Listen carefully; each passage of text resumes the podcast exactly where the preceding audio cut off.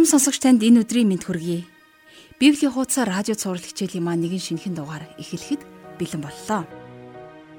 Өнгөрсөн хичээлээр бид Бурхны хүн төрлөختөнд өгсөн хамгийн агуу хууль бол түүнийг болон бие биенээ хайрлах тухай юмаа гэж бид хамтдаа ярилцсан шүү дээ. Харин бид төрхөн зуурт буудаллаад явах энэ амьдралын аянд бие биенээ хайрлахгүй юм бол Бурхныг чин сэтгэлээсээ хайрлаж чадахгүй. Та амьдралаас хинэгний төлөө зориулж байгаа өөрийнхөө харийг нэг анзаараад үзээрэй. Хайр бол бидний зүрх сэтгэлээс ундарч үйлдэлээр илэрдэг зүйл. Тиймээс бие биетэйгээ харилцах өдөр тутмын харилцаанаас маань бүр илүү тодхон харагдах ёстой. Магадгүй таны хайраа илэрхийлдэг хамгийн чухал арга зам хайртай хүндээ бэлэг өгөх, туслах, эсвэл сайхан урмын үг хэлэх байж болно. А мэдээж энэ бүхэн хайрын нэгэн илэрхийллүүд. Тиймээс л хайр хизээж өөрийнхийг эрдэггүй гэж Библи бидэнд сургадаг. Хэн нэгний хэрэгцээг олж мэдэж тэрэнд нь туслах нь л өөрөө хайр юм. Тэр тусмаа итгэгч хүний амьдралын бүхий л тал хөршөө урамшуулж босгох, түүнийг босгон байгуулахын төлөө байдаг. Бид анх нөхдөө муучилж гар зучруулснараа босгон байгуулдаггүй. Харин энэ нь өөрөө хайр юм. Тэгэхээр хайр дотор амьдарч байгаа хүн хизээч хин нэгнийг хохироох зүйл хийдэггүй. Тиймээс амьдралын маань өдөр тутмын шийдвэр бүх зүйл дээр Бурхны хайр биднийг зөв замд хөтлөх удирдамж маань болж чадна. Энэ тухай Паул элчийн бичсэн Галаад номын 5 дугаар бүлгийн 14 дугаар эшлэлд ингэж бичсэн байна. Учир нь хууль бүхэлдээ нэг л үгэнд багтдаг юм. Энэ нь чи хөршөө өөрийн адил хайрл гэсэнд нь мөн юмаа гэж хэлсэн байна. Та энэ үгнээс урам авч итгэлийнхээ амьдралд дэвшилт авчраарай. За ингээд жаргал агшийнхаа хичээлийг эхлүүлж өнөөдөр сурах зүйлийнхаа төлөө хамтдаа бурхандаа талархаж түүнээс мэрэгэн ухаан ойлголтын сүнсийг хамтдаа гуйж залбирцгаая.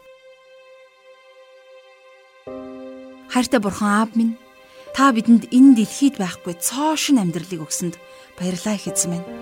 Өнөөдөр олон хүн амьдралдаа үрд мөнхөд дурсагдах тэр зүйлсийг хийхээр зорж амьдрч тэмүүлж байна. Тэдний ухаан бодол бусад хүн өөрийг нь юу гэж хэлэх бол гэдэг дээр илүү их төвлөрсөөр байгааг та мэддэг. Тэгвэл их ээ. Та тэдгээр хүмүүсийг энэхүү радио хичээлээр дамжуулан илүү чухал амьдрал байдаг юм шүү гэдэг тэрл үннийг та тэр хүмүүст ойлгуулж ухааруулж өгөөч. Хүний ололт амжилт нь төр зуурих байдаг. Алдар нэрч гундаж балардаг. Харин та бол бидний мөнхийн өв, бидний мөнхийн шагнал юм аа. Тиймээс бурхан ааваа Таныг ам амьдралаараа харуулхад гэрчилж амьдрахад та туслаарай. Хичээлийн энэ цагийн эхнээс нь дуустал бид таны мотор түргэж Есүс Христийн нэрээр залбирanгуйж байна. Амен. Харин одоо жаргал агшин хичээлд анхаарлаа хандуулцгаая. За өнөөдрийнхөө хичээлээр бид хамтдаа Ром номынхон 15 дугаар бүлгийн 4 дугаар ишлэлээс эхлэн судлах болно. За ингээд би 4 дугаар ишлэлийг уншийе. Учир нь эрт үед бичигдсэн альва зүйлс нь биднийг сургахын тулд бичигдсэн юм. Ингэснээр содруудын төвчээр болон урамшуултаар дамжуулан бидэнд найдвар байх юм аа. Хуучин гэрээнээс бид нар бурхны хууль тогтоомж чухам ямар мэрэгэн байсныг за мөн дээрэс нь хуучин гэрээ бидэнд Христийн тухай юуг урдчлан харуулж байсныг сурах боломжтой. Паул хуучин гэрээг биднийг сургахын тулд бичсэн гэж хэлж байна. Тэгэхээр өнөөдрийн итгэгчид бидний гаргадаг хамгийн том алдаа бол Бурхны үгийг мэдэхгүй байгаа явдал. За бүр заримдаа сүмд үйлчилдэг хүмүүс хүртэл Библиэс зөрчилдөх зөвлөгөөг өгч л харагддаг. Тэгэхээр бид нар яагаад Библийг сайн мэдэхгүй байгаа юм бэ? Угтаа бол Библийг үнэртний цагаас биднийг сургахын тулд бичсэн. Бурхан таныг бас намайг Библийн хуудас бүрээр дамжуулан өөрийнхөө үгийг мэдээсэй гэж хүсэж байдаг. За сүмд үйлчлдэг хүний хувьд та Бурхны үгийг хэр сайн мэдхөв? Бурхны үг бидэнд юу гэж хэлж байгааг та бид нар байнга судалж мэддэг байх хэрэгтэй. Бидний Библийн тухай мэдлэггүй байдал маань өнөө цагийн гай зовлон болж байгаа. За тийм учраас л Паул Библийг та бидний тусын тулд бичсэн гэж хэлсэн байна. Тэгэхээр Библийн мэдлэг таны амьдралд юу хийж чадах вэ? За бичээсийн төвчээр болон урамшуултаар дамжуулан бидэнд найдвар байхын тулд гэж түрүүн Паул хэлсэн. Бурхны үг бидэнд төвчээр, тайтгарл, за дээрэс нь найдварыг өгдөг. Та энэ найдварыг бол өдөр тутмын сониноос авахгүй. орчин үеийн олон зохиолоос ч энэ найдварыг олохгүй. Нийгмийн аль нэгэн салбарыг авч үзээд за тэр дундаас найдвар байна уу үгүй юу гэдгийг та хайгаад үзээрэй. Найдах юм ер нь бараг л байхгүй дээ.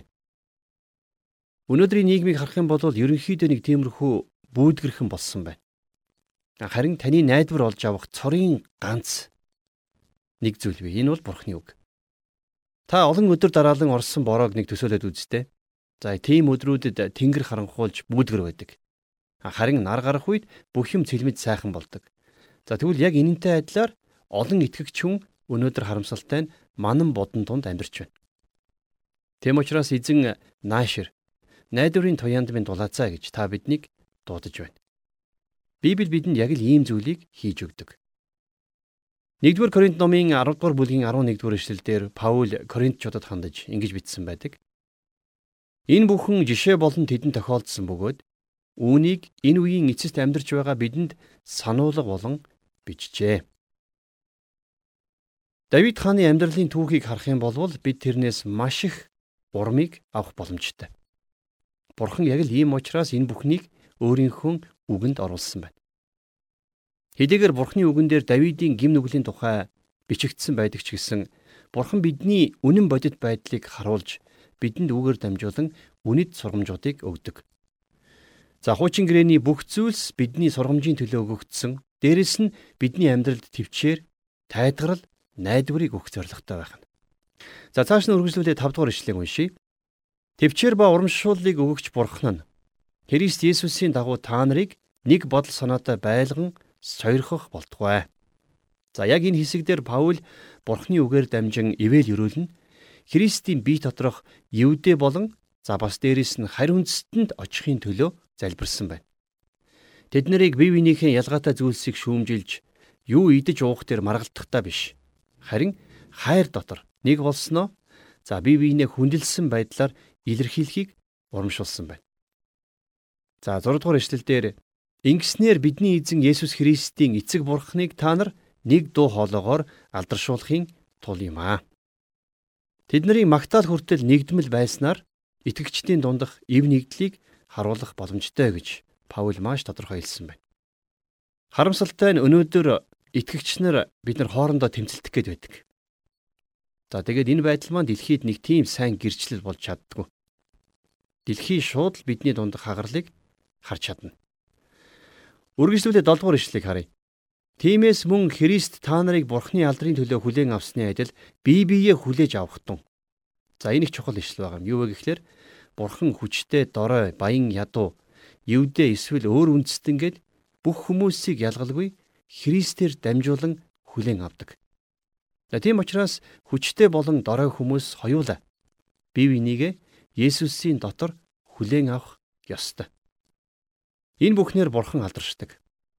Өнөөдөр хэдийгээр сүм цуглаануудын урсгал чиглэлүүд өөр өөр байгаа ч гэсэн үндсэн сургаал зөрчилдөөгүй бол бид нар баг зэрэг ялгаатай байдлаа арагшин тавьж бие биенээ Христ биднийг хүлээн авсны адилаар хүлээж авч сурах хэрэгтэй. Хожим бид нар Бурхны оршихуй өмнө очихдоо ямар ч зөрчилдөх зүйлгүй болно. За тэр үед бид нар бүгдээрээ Есүсийн дүр төрхтэй адил болгогдох болно. Хинч бие биентэйгээ маргалдахгүй санал нийлнэ. За тийм учраас бид нар одооноос эхлээд санал зөрж байгаа зүйлс дээрээ биш харин нийлж байгаа зүйлс дээрээ анхаарч сурах хэрэгтэй байх нь. За цааш нь үргэлжлүүлээд 8-аас 9 дугаар ишлэлийг хамтдаа уншийе. Учир нь би хэлнэ. Эцгүүдэд өгсөн амлалтуудыг батлахын тулд Бурхны үнний төлөө Христ хөвч хөндүүлэгчдийн зарц болсон. Энэ нь мөн түүний өршөөлийнхэн төлөө харь үндэстнүүд Бурхныг алдаршуулахын тулд ажээ.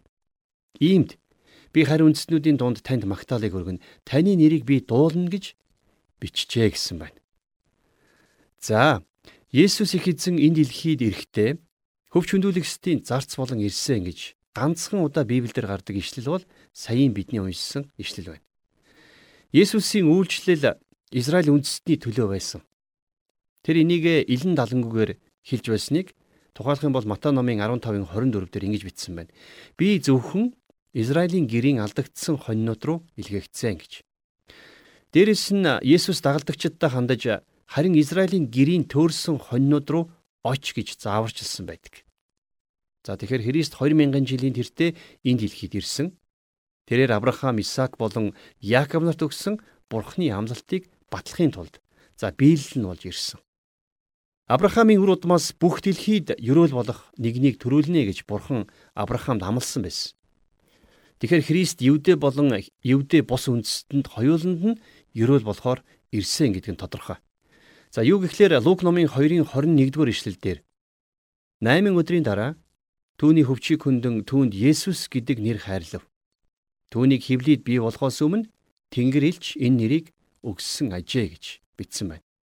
Тэгэхээр Есүс Авраамийн удам Давидын хүү болж төрөөгүй хуулийг дагаагүй байсан болвол Есүс байх боломжгүй байх байсан.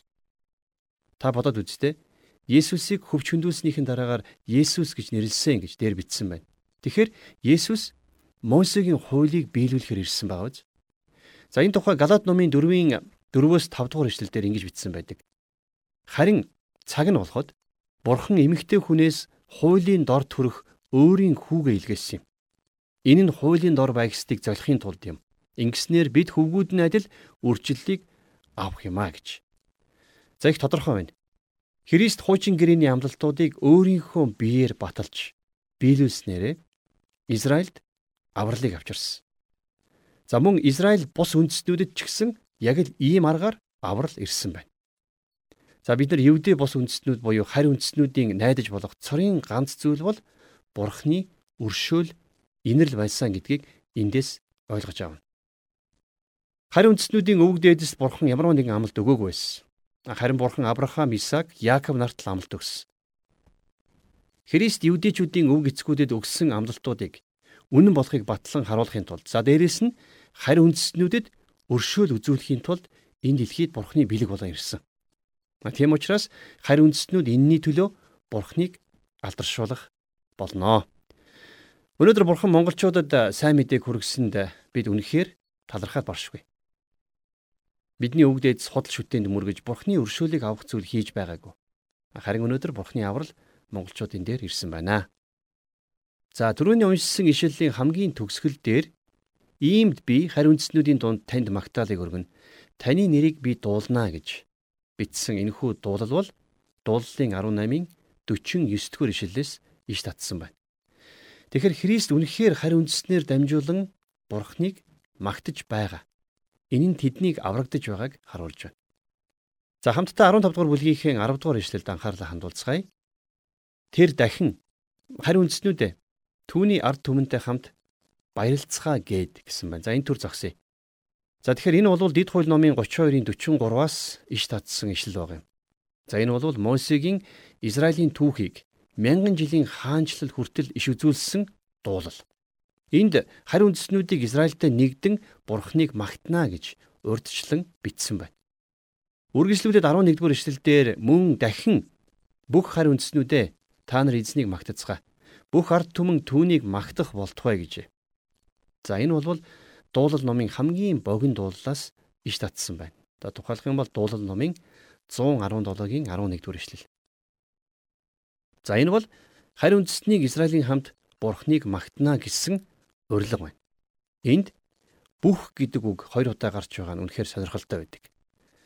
За дараагийн ишлэгийг хамтдаа уншийе. Исая дахин Есийн үндэс гарч ирнэ. Харь үндэстнүүдийг захирахын тулд босох түүнд харь үндэстнүүд найдах болноо. За энд бол Исая номын 11-ийн 10-аас иш татсан байна. Тэгэхээр аврагч эзэн Давидын үр удамч тэр харь үндэстнүүдийг захирна. Тэгэхээр харь үндэстнийг өөр дээрээ авчрах нь бурхны төлөвлөгөө байсан байна. Зарим харь үндэстнүүд Паулийн амьдарч байсан үед бурхан дээр ирсэн. Тэгээд тэд нар хожим олон харь үндэстнүүд бурханд итгэх агуу өдрүүдийн анхны үр жимс нь болсон байсан. Паул энэ загтлыг ромчуудад бичсэн. За тэгээд Ромын сүм өнөөдөр яг бидний адилаар голдуу харь үндэстнээс бүрлдэж байсан байна. 14 дугаар эшлэлдэр Ариун сүнсний хүчээр та нар найдвараар бялхсан байхын тулд найдварын бурхан та нарыг итгэл дотор бүх баяр баясгалан болон амар тайвнаар дүүргэх болтугай. За энэ ишлэлийг нэлээд ойрхон хамтдаа харцгаая. Тэгэхээр найдварын бурхан гэж бурхныг нэрлсэн байгаа биз? Хүчит шуурга дэгдэхэд хорогдох газар болох өн эртний хадыг итгэгч нэгний зөргсдгэл эндээс л олох болно. За найдварын бурхан та нарыг итгэл дотор бүх баяр баясгалан болон амар тайвнаар дүүргэх болтугай гэж Паул хэлсэн байна. Тэгэхээр Ром номыг судлахад танд яг л ийм үр дүн гарах ёстой юм. Энэ ном танд баяр хөөр, амар тайвныг өгч итгэлийг чинь хурцлсан гэж би хувьдаа итгэн найдаж байна. Үнэхээр таны амьдралд найдвар хүчийг өгсөн байхаа гэдэг итгэлтэйгээр би өнөөдөр энэ хичээлийг өндөрлөж байна. Ингээд Ром номын онол сургаалын хэсэг төгсөж байгаа. За энэний дараа Паул өөрийгөө хариу үндэстний илч болон дуудагдсан тухай гэрчлэлээ цааш нь үргэлжлүүлэн ярьдаг. Тэрээр энэ загтлыг эхлэхдээ нилээд ховжилсан, нилээд дотн өнгө аястай эхэлж байсныг таалав санаж байгаа бах тийм ээ. Харин одоо тэрээр итгэлийн онол сургаалаа тайлбарж дуусаад за тэгээд загтлынхаа хамгийн ихний ишлэлд Ромд очихыг хэрхэн хүсэж байгаа тухайга үргэлжлүүлэн хуваалцсан байдаг. За 1-р бүлгийн 10 дугаар ишлэлийг би танд энэ сануулсан уншийе. Бурхны тааллаар одоо л нэг та нар дээр очих завшин олдосоо гэж би залбирлаараа ямагт гуйдгаа гэж Паул загтлаа эхэлсэн байсан тийм ээ. За тэгвэл 15 дугаар бүлгийн 14 дугаар ишлэлдэр Ах トゥ нар минь та нарын хувьд гэвэл та нар өөрсдөө альван сайн сайхнаар дүүрэн бүхий л мэдлэгээр дүүргэгдсэн мөн нэг нэгнээ ятгах чадвартай гэдэгт би итгэсэн юм а гэж бичсэн байна. За энд нэгэн гайхалтай ишлэл гарч байгаа. Паул онол сургаалыг нилээд шулуун илэн далангуй тайлбарласныхаа дараагаар зөөлрүүлж тайлбарлуулсан өнгө аястай энд ярьж байна. Тэд нэр сул дорой байсан учраас биш. Харин ойлгох чадвартай байсан учраас Паул ингэсэн. Паул үнэхээр итгэлийн маань чухал зүйлсийг бидэнд ойлгуулахын тулд энэ загтлыг бичсэн. Та Христэд итгэх итгэлээрээ өсөхийг хүсэж байгаа бол Ром номыг заавал ойлгох ёстой. Христэд итгэгч хүн бүр Ром номыг хичээнгүйлэн судлах хэрэгтэй. Яагаад гэвэл энэ ном итгэгч хүний итгэлийн суурийг батжуулдаг ном. Паул энэ загталтаа бичсэн ятгалгуудаа маш даруй илэгсэг байдлаар хүргэж байна. Тэр энэхүү эзний гайхамшигттай өвийг бидэнд дамжуулахдаа дарангуйлан захирсан тийм өнгө аястайгаар бичээгүй. За ингээд 15 дугаар бүлгийнхээ 16 дугаар ишлэлийг хамтдаа уншийе. Гэвч та нарт дахин сануулахын тулд Зарим зүйлдер би их зоригтойгоор бичлээ. Учир нь Бурханаас надад өгөгдсөн нэгүүлслэр Бурхан намайг харь үндэстнүүдэд Христ Есүсийн үйлчлэгч болгосон. Би харь үндэстнүүдийг ариун сүнсээр ариусган Бурханд тааламжит өргөл болгохын төлөө Бурханы сайн мэдээг тунхаглах тахилчийн үүргийг гүйцэлдүүлсэн. Би бичлээ гэж Паул хэлэхдээ Ром номыг ярьж байгаа. Тэр ийм зоригтойгоор ярьсан шалтгаанаа өөрөө харь үндэстнүүдэд дуудагдсан элчийн хувьд бичсэн юм а гэж тайлбарлаж байна тийм ээ. Паул бурхны нэгүүлслээр дамжуулан энэ үйлчлэл томилогдсон учраас энэхүү үйлчлэлээ бичгээрээ бас дамжуулан энд хийж байна. Тэр энэ загтлаараа тэдэнд үйлчилсэн байна тийм ээ. Тэгэхээр энэ ишлэл бол Паулийн загтад улам их ач холбогдлыг нэмэгдүүлж байдаг. Тэр өөрийгөө энд сайн мэдээний үйлчлэгч бас тахилч гэж дүрсэлсэн байна. Харин үндэстнүүд нь Паулийн тунхагласнаар Христээр дамжуулан хууль болон шашнаас ангид бурханд тааламжид болгогдсон. За ариусхан буюу ариусгагдсан гэдэг нь анх итгэсэн хариу үндэстэн Корнелиус эхлээд ариун сүнс итгэгч хүний дотор орших тэрхүү олон олон хүмүүсийн амьдралын замл болсон байна. За юудэч вэ, юудэ биш ч вэ? Бурханд итгэж дахин төрөх тэр мөчөд ариун сүнсний ажил хүн болгоны дотор эхэлдэг. Паул харь үндэстнүүдэд маш онцгой байдлаар дуудагдсан илч байсан гэдгийг та бид санах хэрэгтэй. Паул тэрүүн тахилчийн хувьд харь үндэстнийг бурханд өргөж байсан. За хэдийгээр бид нар энэ бүхний нарийн утга учирыг ойлгоход амаргүй боловч харин энд дүрслэгдсэн байгаа бүхий л ивэл өрөөлүүдийг болвол өнөөдөр итгэгч хүнийхээ хувьд амьдралдаа эдэлж байгаа. Хэрвээ та Илч Паулийн төлөө бурханд хизээж талархаж байгаагүй бол яг одоо талархаарай. Бурхан Паулийг бидэнд зориулан өгсөн. Тийм ч учраас бид түүний бичсэн Ромын загтлыг сайтар уншиж судлах ёстой юм аа. Тэгэхээр Илч Паул харь үндэстэн бидэнд сайн мэдээг хүргэхийн тулд бүх амьдралаа зориулсан. Тэр бурханд дуулууртай байж түүний дуудлагыг хүлээн авч Ром номыг бичээгүй бол өнөөдөр та бид хаана байх байсан болов? Гэтэ нэг хүний итгэмжид дуулууртай байдал маш том өөрчлөлтийг авчирч чаддаа гэдгийг бид тод томруу олж харлаа. Бурхан өнөөдөр бас таны амьдралаар дамжуулан өөрийн зорилгыг биелүүлэхийг хүсэж байгаа. Харин та түүний хүслийг ирж хайж байна уу? Тийм бол амьд бурхны амьсгалаар бичигдсэн Библи судрын үгээр удирдамжаа хийгээрэй. Тэр бол хүчтэй, сул дорой, баян ядуу хэнийг ч яаж жалгалгүйгээр өөрийн хүү Есүс Христээр дамжуулан хүлээж авахтаа үргэлж тааламжтай байдаг нэгэн. Тиймээс бид ч гэсэн бие биенийгээ халуун дулаан нөхөрлөл дотор хүлээн авч түүний хайраар босгон байгуулдаг хэрэгтэй. Харин энэ бүхний эцэст бидний эзэн бурхан алдарш болно.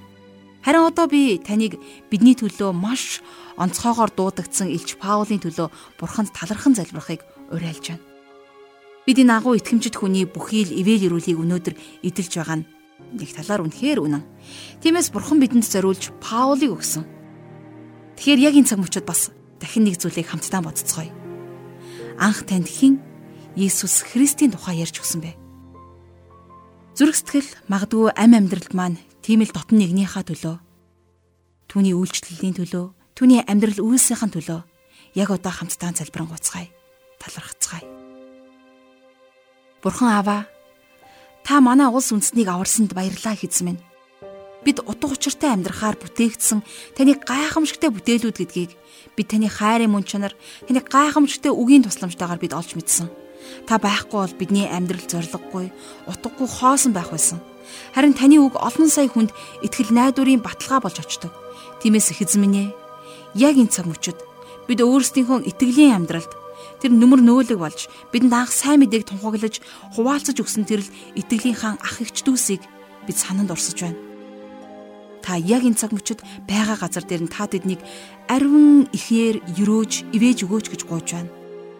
Тэд хараахан байхгүйч та тэдний үр удам, үр хүүхдүүдтэй хамт байгаарай Их эзэн минь үргэлжлүүлэн та бидний амийг хөлийг бидний үйл хэргийг тосолж өгөөрэй. Бид зөвхөн амаараа биш бид бас үйлсээрээ таныг гэрчлэн алдаршуулдаг байхад та бидэнтэй хамт байгаарай. Биднэр дамжуулан Есүс Христийг таньж мэдэх, танд итгэлээ өгөх тэрл үе олон хүмүүсийг таны моторт өргөж байна. Та өдрөөс өдөрт та зүрх сэтгэлийн хөрсийг нь хамгийн сайн хөрс болгон бэлдэж өгөөрэй. Тэгээд ариун сүнсээ та ажиллаа хийж хил болгон таныг амаараа эзэн гэж хүлээн зөвшөөрч өвдөг болгон сүгдэж таныг магтан дуулж таныг хүндэтгэх болтугай. Бүх зүйлийг танд өргөж, үндэснийхээ авралыг бид танд даатгаж, Есүс Христийн нэрээр залбирanгуйч байна. Амен.